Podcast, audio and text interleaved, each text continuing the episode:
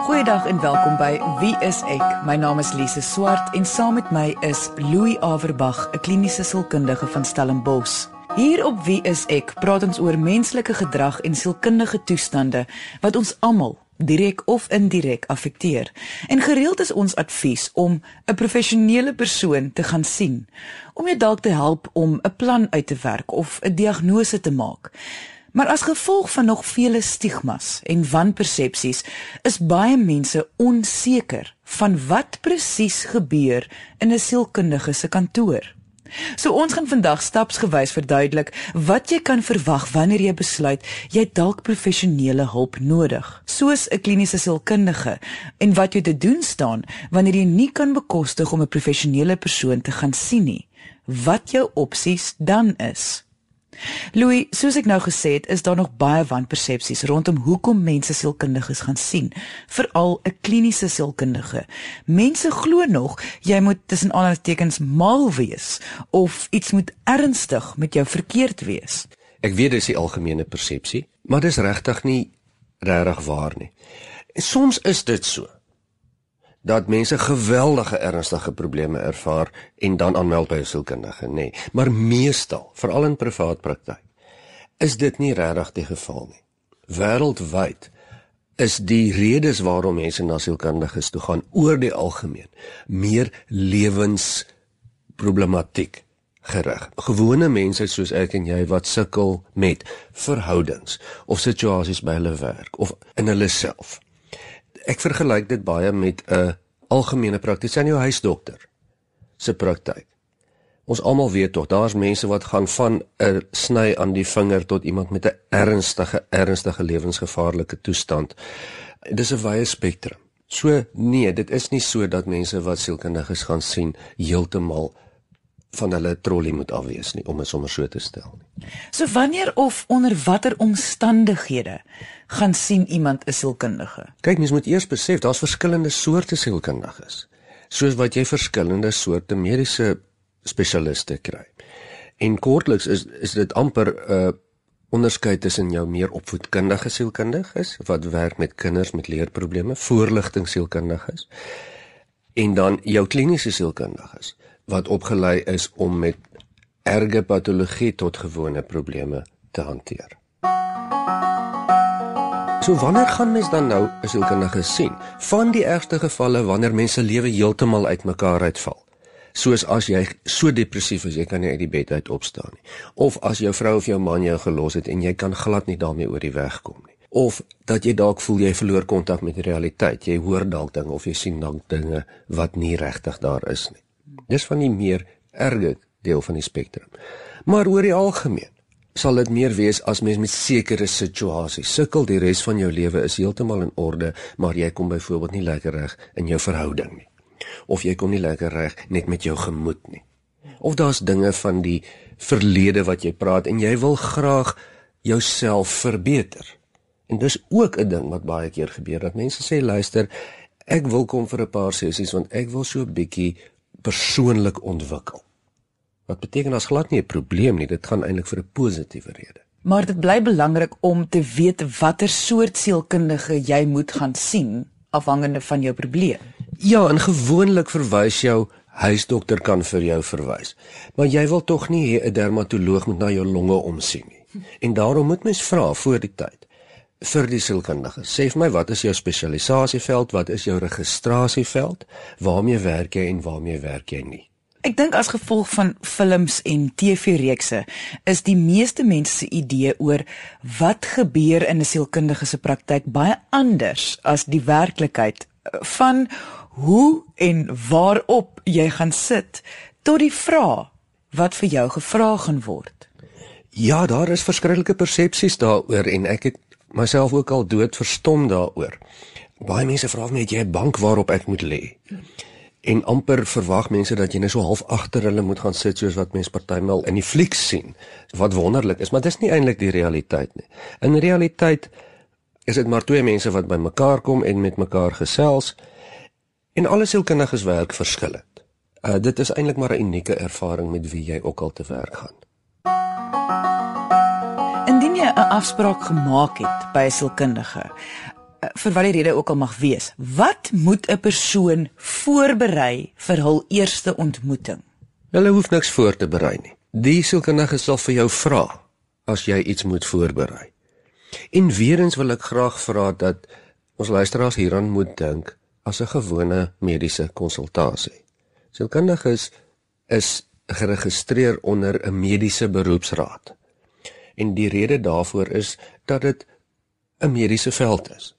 Net soos wat jou huisdokter byvoorbeeld is. Ja, dis nie 'n misterieuse veld nie. En jy gaan jou sielkundige net so benader soos wat jy enige ander mediese professionele persoon gaan benader. Moet die pasiënt vir jou sê wat verkeerd is of hoe werk dit? Die sielkundige sal vir jou vra. Natuurlik is daar mos nou rede hoekom jy daar is. En jy moet daarom nou sê, ek is nou hier want uh, wat dit ook al is. Maar dis die sielkundige se werk om met jou 'n onderhoud te doen, om vir jou vrae te vra, om vir jou te bepaal want dit wat jy in elk geval gaan sê is nie noodwendig vanuit 'n mediese perspektief relevant nie. Byvoorbeeld, ek het al 'n paar keer by my na my GP toe gegaan en sê ek luister man, ek dink dat ek het hier 'n verskriklike uh, virus want ek voel hierdie koors vir my hier en hier dan sê hy vir my ag nee man dit is iets anders en gee my pil en dan is dit oor oor 2 dae. So wat ons hoe ons kyk na die probleem is nie altyd hoe professionele mense van buite af terugkyk daarna nie. Dis tog hoekom ons na 'n sielkundige of 'n dokter of iemand toe gaan wat opgelei is daarin. Wag, maar kom ons maak asof ek nou vir jou vir die eerste keer kom sien. Uh, wat sal byvoorbeeld die vraag wees wat jy nou vir my sal vra? Ja, ek sal vir jou heel eers vra, hoekom is jy hier? Wat wil jy hê? Hoekom is jy hier? Ehm um, ek slaap nie lekker in die aande nie en ek bly die heeltyd moeg en ek ek kry nie reg om dan te werk nie. Reg. Die die die tipe vraag wat ek hier uit sal dan vra verder is dan om te vra wat jy wil bereik. Wat hoe kan ek jou help? Ehm um, jy wil met ander woorde beter slaap, ehm um, ensovoorts ensovoorts. Nee, so ons ons praat so half saam en ek vra vir jou om om om mooi te bepaal wat jou doel is met hierdie ding. Want onthou jy is 'n kliënt. Ehm um, ek sou vir jou vra wat het aanleiding gegee tot hierdie hoe lank gebeur dit? Al waar kom die ding vandaan? Lekker om 'n breë prentjie te kry. Dis my werk om dit by jou uit te vind. En ek mag vir jou vra terugvra. Ja en trouens ek sou graag wil hê jy moet vir my vra terugvra. Want ek wil weer sê jy is die kliënt. Jy betaal mos hiervoor of jou mediese fonds betaal hiervoor of as jy by 'n staatspersoon is dan betaal die staat hiervoor maar jy bly 'n kliënt Maar as ek nou byvoorbeeld 'n skaam persoon is wat nie baie maklik praat en so nie, uh, jy is opgelei om vir my te help om myself uit te druk. Ja, natuurlik, dit is my werk. En dan begin jy 'n idee kry van hoekom 'n persoon daar is en wat kan dalk moontlik verkeerd wees. Ja, en dit is vir my om daardie idee te moet kry. Ek kan mos nou nie verwag jy moet dit vir my kom sê nie, anders kon jy dit self uitgesorteer het. En dis dan waar die gesprek tussen my of gesprekke tussen my en jou anders maak as waar jy net met 'n vriendin of 'n geliefde sou gepraat het. Ons kan nie dieselfde praat nie want ek is 'n professionele persoon, ek moet jou in die kortste moontlike tyd probeer bystaan en by jou doel uitkry. En jy moet my verantwoordelik kan hou oor hoe ek dit doen. Jy moet vir my kan vra, maar luister, waar gaan ons heen? Wat doen ons? Wat is die plan hierso? Hoe werk dit? Dis baie belangrik. Jy luister na Wie is ek met Louie en Lise op RSG 100 tot 104 FM.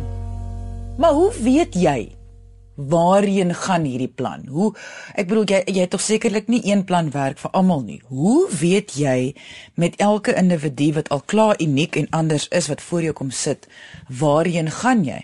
Kyk want jy verstaan tog mense maak grappies oor jou beroep. en hulle het byvoorbeeld uh jy betaal verskriklik baie geld sodat iemand net sit en luister na jou probleme of jy weet jy gaan net 'n paar vrae vra en dan gaan jy net iets sê en dan is dit ook weer verby en dan het jy nou nie eintlik iemand gehelp nie. So ek probeer uitvind uh, om daai stigma aan te spreek. Hoe weet jy watter plan gaan werk vir wie? Kyk, mens weet nie altyd of 'n plan verseker gaan werk nie, maar ek hou van die woord plan. Nou alles sielkundiges werk nie dieselfde nie. Ek verkies wel om 'n plan te hê en 'n plan voor te lê vir 'n kliënt. Sê ek goed, hierdie is ons plan van aksie. Stem jy saam ons ons maak saam die plan op grond van wat ek raak sien en dan vir die persoon voorstel. Dan het ons nou 'n plan waarheen ons werk. As dit dan nou nie so lekker werk met die pad saam nie, dan verander ons dit. Maar ek verkies dat die plan tussen my en die kliënt is. En ek verkies dat daar 'n plan moet wees. En die plan moet van my afkom want ek is die persoon wat betaal word of wat opgelei is om dit te kan doen. En as ek dit nie kan doen nie, moet ek verwys na iemand anders wat dit kan doen. En jy's reg, elke plan is uniek vir elke persoon. Selfs medikasie wat so goed statisties nasgevors is, werk nie presies dieselfde vir elke persoon nie en baie dokters en psigiaters moet ook eksperimenteer tot hulle die regte plan van behandeling kry. Lank vat dit om 'n diagnose te maak? Eh, ek dink wat ek probeer vra is, hoe lank moet iemand 'n sielkundige sien? Wel, die twee goed is nie noodwendig verwant aan mekaar nie. Gewoonlik is dit redelik vinnig om 'n diagnose te maak. En as ek sê 'n diagnose maak, mens wil nie mense in klein boksies inplaas nie, maar min of meer daarmee 'n idee het van dit is wat aan die gang is. Dis relatief vinnig, in sommige gevalle vat dit baie lank, maar meestal is dit maklik. Wat dan daarna gebeur, is wat moeiliker is. Die hoe lank iemand gesien moet word, wat ons gaan doen, wat die plan van aksie is. Onthou, 'n diagnose is maar net 'n begin van 'n proses. Dan begin die psigoterapie eers. En dit kan of baie lank vat of baie kort vat en gewoonlik probeer mense dit so vinnig as moontlik laat gebeur. My ervaring is so gemiddeld van 7 tot 10 sessies oor die algemeen. In in in 'n privaat praktyk kan ons daarmee 'n ding uitsorteer. Maar vir baie mense vat dit soms vinniger en soms baie langer. Jy het nou die woord psigoterapie gebruik. Dit is 'n vreesaanjaende woord as jy sê die diagnose is die eerste stap en dan begin die psigoterapie. Verduidelik net wat is psigoterapie? Wel dit is wat sielkundiges doen of veronderstel is om te doen. Dit is wat ou Freud deur die tyd genoem het 'n talking cure waaroor daar al baie grappies gemaak is. Dit is die presiese proses wat ek in plek sit met die kliënt sodat daar verandering kan plaasvind. Onthou die kliënt staan om te verander. Hulle wil van een plek na 'n ander plek beweeg in hulle self of met ander mense. En my doel met psigoterapie is om gedrag te verander. So as ek dit reg verstaan, dit is eintlik ons noem dit terapie in die volksmond, maar die korrekte term is psigoterapie. Ja, of sommer plain gestel, verandering om jou gedrag te verander of jou denke te verander. Ons gesels vandag oor wat jy kan verwag wanneer jy 'n kliniese sielkundige gaan sien vir die eerste keer. As gevolg van wanpersepsies en stigmas is daar nog baie mense wat 1 glo jy moet tussen aantekens mal wees om 'n sielkundige te sien en 2 is mense nog bang oor wat gaan uitkom of wat die sielkundige vir hulle gaan sê of My persoonlike gunsteling, die sielkundige gaan jou brein spoel en jy gaan nooit weer dieselfde wees nie. Louis, natuurlik is nie een van die punte wat ek nou genoem het gegrond op realiteit nie. Nee, dit is nie. En die hele wanpersepsie kom van die idee af dat as mense as twee mense sit in gesels is daar nie iets tasbaar soos 'n wond of 'n been wat gebreek is nie, so daar gebeur eintlik niks. Jy kan dit nie meet nie. Dit is nie waar nie. Mens kan dit meet. En mens meet dit in terme van neurologiese skanderings in terme van bloedvlak skanderings in terme van waarnemings. Dit is 'n totale meetbare proses. En psigoterapie is 'n ding is is 'n proses waar jy eintlik as kliënt in beheer is. Ek wens ek kon met mense se gedagte lees of met mense se kop koppe smokkel of soos jy sê breinspoel. Dan dan sou ek dit al lank al oorweeg het om dalk dit te gebruik, 'n miljonair te word en en iets anders te doen. Maar dit is nie hoe dit werk nie. Dit is 'n private veilige spasie vir jou. Jy is die kliënt. Jy bepaal dit. Want onthou, jy gaan vir 'n professionele diens waarop jy geregtig is om te verwag. Dis jou spasie. Dis nie sielkundige sin nie. Ons praat nou so oor wanpersepsies en stigmas, maar dit is tog nie die enigste probleem wanneer kom by die onderwerp van om 'n sielkundige te gaan sien nie. Daar is ook die probleem van finansies. Dit kos geld om 'n kliniese sielkundige te sien. So as jy dit nie kan bekostig nie, wat moet jy dan doen? Want jy gaan tog nog steeds die hulp nodig hê. Ja, wat jy dalk nou sê is hier staan ons en praat nou oor 'n sogenaamde luukse wat min mense in elk geval kan bekostig. Aan die een kant is dit waar, aan die ander kant ook nie. As mens regtig in die knyp is dan maak mens 'n plan. Ek het al baie keer gesien dat mense gou-gou 'n vakansie of 'n luxe kan kanselleer as iemand in die gesin 'n hartaanval gehad het en ernstig in die moeilikheid is. Dis presies dieselfde proses as wanneer jy sielkundig in die moeilikheid is. Tweedens is daar ook darm staatsinstellings. En die enigste vorm van psigoterapie is nie noodwendig net uh, ten duurste om iemand in 'n privaat praktyk dan te gaan sien en uit jou sak uit te betaal. Die meeste mediese fondse dek ook darm noodbesoeke. As me, mense dit nie kan bekostig nie, algemene hospitale het psigiaters en sielkundiges in diens wat die staat verskaf. Dit vat dalk bietjie langer om daar uit te kom en om 'n afspraak te maak ensovoorts, maar dit is daar. So wat jy sê is in baie gevalle is daar baie hulp wat mense nodig het, mediese hulp. Soos kom ons sê as iemand gediagnoseer word met kanker, nie almal kan die versorging daarvan bekostig nie. Maar daar is instansies wat wat mense kan help, soos die staatshospitale so. Ja, die proses mag dalk langer vat, maar daar is maniere En net soos in daardie gevalle is daar ook maniere om sielkundige toestande en jou gemoed as jy afvoel of om ook vir jou te help met 'n plan te kan help. Ja. Soos die wêreld maar werk, is dit soms moeiliker en soms makliker. Maar as die nood druk, dan is dit daar. gereeld kry jy dit dat mense jou kom sien en klaar hul eie diagnose gemaak het as gevolg van inligting wat hulle op die internet gekry het? Gereeld. En dit is nie noodwendig vir my sleg nie. Ek dink baie keer is dit 'n goeie ding. Ek moedig ook mense aan om soveel as moontlik inligting en kennis in te win. En ons is in 'n tegnologiese eeu waar die internet baie voordelig kan wees. Uh partymal kan dit nogal 'n bietjie nadelig wees, maar in meeste gevalle is dit nie sleg nie. Maar as jy nou sê dat jy jy hits aan dat hulle baie inligting kry, hoekom kan hulle nie maar net hulle self dan diagnoseer nie? Ja, as dit so maklik was, sou dit lekker gewees het. En jy weet, daar's byvoorbeeld baie inligting oor bouplanne en elektronika op die internet. Maar ek kan dit nou maar bestudeer tot ek blou in die gesig is. Ek gaan nog steeds nie ordentlike huis daai kan bou nie want ek is nie regtig opgelei daarvoor nie. Ek het nie regtig die ervaring daarvan nie. En die groot probleem is is die onderskeiding. Baie toestande oorvleuel. Dit vat baie lank en 'n baie ervaring en 'n onderskeiding om regtig mooi te kyk na wat 'n individu se situasie is. In plaas van wat die boksies of die diagnose of die internet of wie ook al daaroor te sê het. Ja, so dit is maar nodig om 'n professionele persoon te sien. Jy kan soveel op oplees oor jou velprobleme op die internet as jy wil, maar op 'n stadium gaan die dermatoloog enigste een wees wat dit vir jou kan uitsorteer. Ek verstaan hoekom mense nie 'n sielkundige wil gaan sien nie. Ek glo hulle voel dan swak of hulpeloos dat jy nie eens jou eie probleme kan oplos nie. Iemand anders moet dit vir jou doen. Ja, ek verstaan dit ook alhoewel daardie persepsie is baie besig om te verander. Dit is my ervaring. Ehm uh, hier en daar kry ek nog baie met mense doen te doen wat baie skaam is omdat hulle nie lekker funksioneer nie en dan voel hulle swak en en verneder daaroor. Maar meestal kom ek agter dat mense begin besef sielkundiges soos dokters of uh, uh argitekte of werktuigkundiges of enige dis maar hulpmiddels. Dis maar hoe die wêreld werk. Dis mense wat meer tyd daaraan spandeer om jou te kan help dat jy dit nie self hoef te doen nie. Ja, onthou jy gaan in elk geval al die werk steeds self doen. Dit is nog steeds jou proses. Jy's die kliënt. Jy bepaal dit. Die sielkundige gaan jou net help, is maar net 'n hulpmiddel.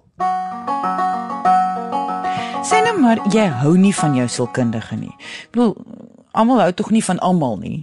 Wat dan? Maak dit saak of jy van jou sielkundige hou of nie?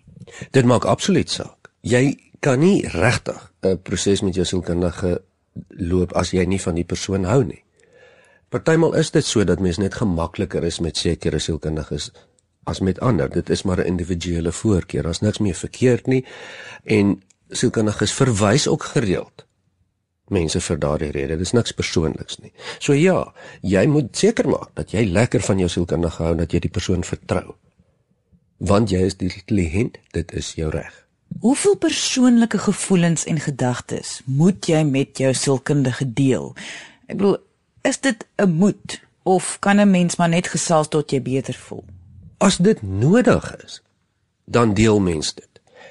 Ehm um, ek dink ook dit kom van die persepsie af dat kliënte by sielkundiges is en dan hulle diepste hartgeheime en emosies moet uitstort en net oor hulle gevoelens praat wat totaal nie waar is nie. As die rede waarom jy verandering wil hê te doen het met jou emosies en jou gevoelens, ja, dan sal mens mos nou maar daarop ingaan. Maar as dit nie nodig is en dan gaan mens nie daarop in. Elke mens se situasie is verskillend. Jy luister na Wie is ek met Louie en Lise op RSG 100 tot 104 FM om vir die eerste keer 'n situasie in te gaan, soos om 'n sielkundige te sien, veral wanneer jy nie seker is wat om te verwag nie. En jy voel tog nou al klaar op nie nou nie lekker nie. Jy sal mos vreeslik angstig voel en ek dink in baie gevalle sommer nie eens wil opdaag vir die eerste afspraak nie. Dit is so, ek verstaan dit absoluut.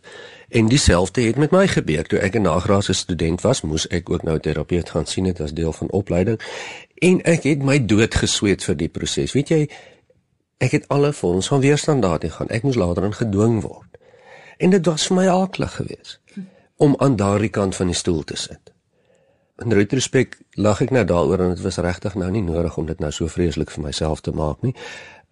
En waar ek nou is besef ek sielkundiges is mense met gewone probleme, ook maar met verhoudings, ook met gedagtes, niemand perfek nie. So dit is nie 'n kwessie van jy's nou die arme kliënt en ek is nou die vreeslike slim ou wat alles kan regkry nie. Dis nie hoe dit werk nie. Ons moenie vergeet die grootste stap in die proses is sekerlik om net 'n afspraak te maak nie. Die eerste woorde wat nou in my kop inkom is van uitstel kom afstel. Ek glo baie keer moet mens net jou oë toemaak en die afspraak maak want die realiteit is die probleem of die rede hoekom jy 'n professionele persoon wil sien kan vererger en dit gaan nie noodwendig beter word nie. Ja, dis die probleem en ons almal is skuldig hieraan. Ek gaan ook nie noodwendig die eerste teken van 'n fisiese probleem na my huisdokter toe nie. Ek is self skuldig. Ek wag maar tot op die laaste oomblik. En as ek nou regtig nie meer kan nie, dan gaan ek ook nou maar teensinnig en dan is dit gewoonlik te laat. Dan sê ek vies vir myself dat ek nie vroeër voorkomend gegaan het nie. Want toestande, sielkundige toestande of sindrome kan vererger en vererger gewoonlik. En baie keer kan mense dit nie regtig alleen hanteer nie want dit is net nie moontlik nie. Jy weet soos 'n longontsteking, jy het sekere goed in plek nodig. Met 'n posttraumatiese stres is dit daar sekere dinge wat mens moet doen. Jy gaan sukkel om dit alleen te doen. En wie wil nou nie graag beter voel of word as wat hulle op die oomblik is nie? Die luisteraars wat nou na ons program luister, wat al wel 'n kliniese sielkundige gaan sien het. Wil julle nie julle ervaring met ons en ander luisteraars deel op ons Facebookblad onder wie is ek met Louie en Lise nie sodat die luisteraars wat dit nog oorweeg maar skepties is kan sien hoe ander dit ervaar het. Vir baie mense is die gedagtes om 'n sielkundige te sien 'n vreesaanjaende gedagte omdat hulle voel daar's iets misterieus wat gaan gebeur en 'n sielkundige gaan jou brein spoel of jou private uh, gedagtes uit jou uittrek en dan gaan jy skaam wees daaroor. Um dit is nie regtig waaroor dit gaan nie. Sielkundiges is maar daar soos enige professionele mense soos jou huisdokter of jou fisioterapeut om op 'n sekere area van jou lewe jou te help om 'n beter lewenskwaliteit te hê so vinnig as moontlik in die, in die moderne tyd. En dit is dan iemand soos 'n fisio wat jou help loop of as jy al reeds lekker loop, sommer nog baie beter laat loop ook. Daar hoef nie altyd 'n probleem te wees nie. Sodat ons so goed as moontlik die eise van die lewe kan hanteer en dat ons dan so hoë lewenskwaliteit as moontlik kan hê vir dit wat vir ons moontlik is in 'n onperfekte wêreld. Indien jy enige vrae het oor vandag se onderwerp of enige ander onderwerp, kan jy ons kontak deur ons webwerf. Dit is wieisek.co.za of kom gesels saam op ons Facebookblad onder wieisek met Louie en Lise. Baie dankie dat jy vandag ingeskakel het. Ons maak weer so volgende Vrydag 12:30 net hier op RSG. Jy moet 'n heerlike naweek hê he, en onthou, kyk mooi na jouself.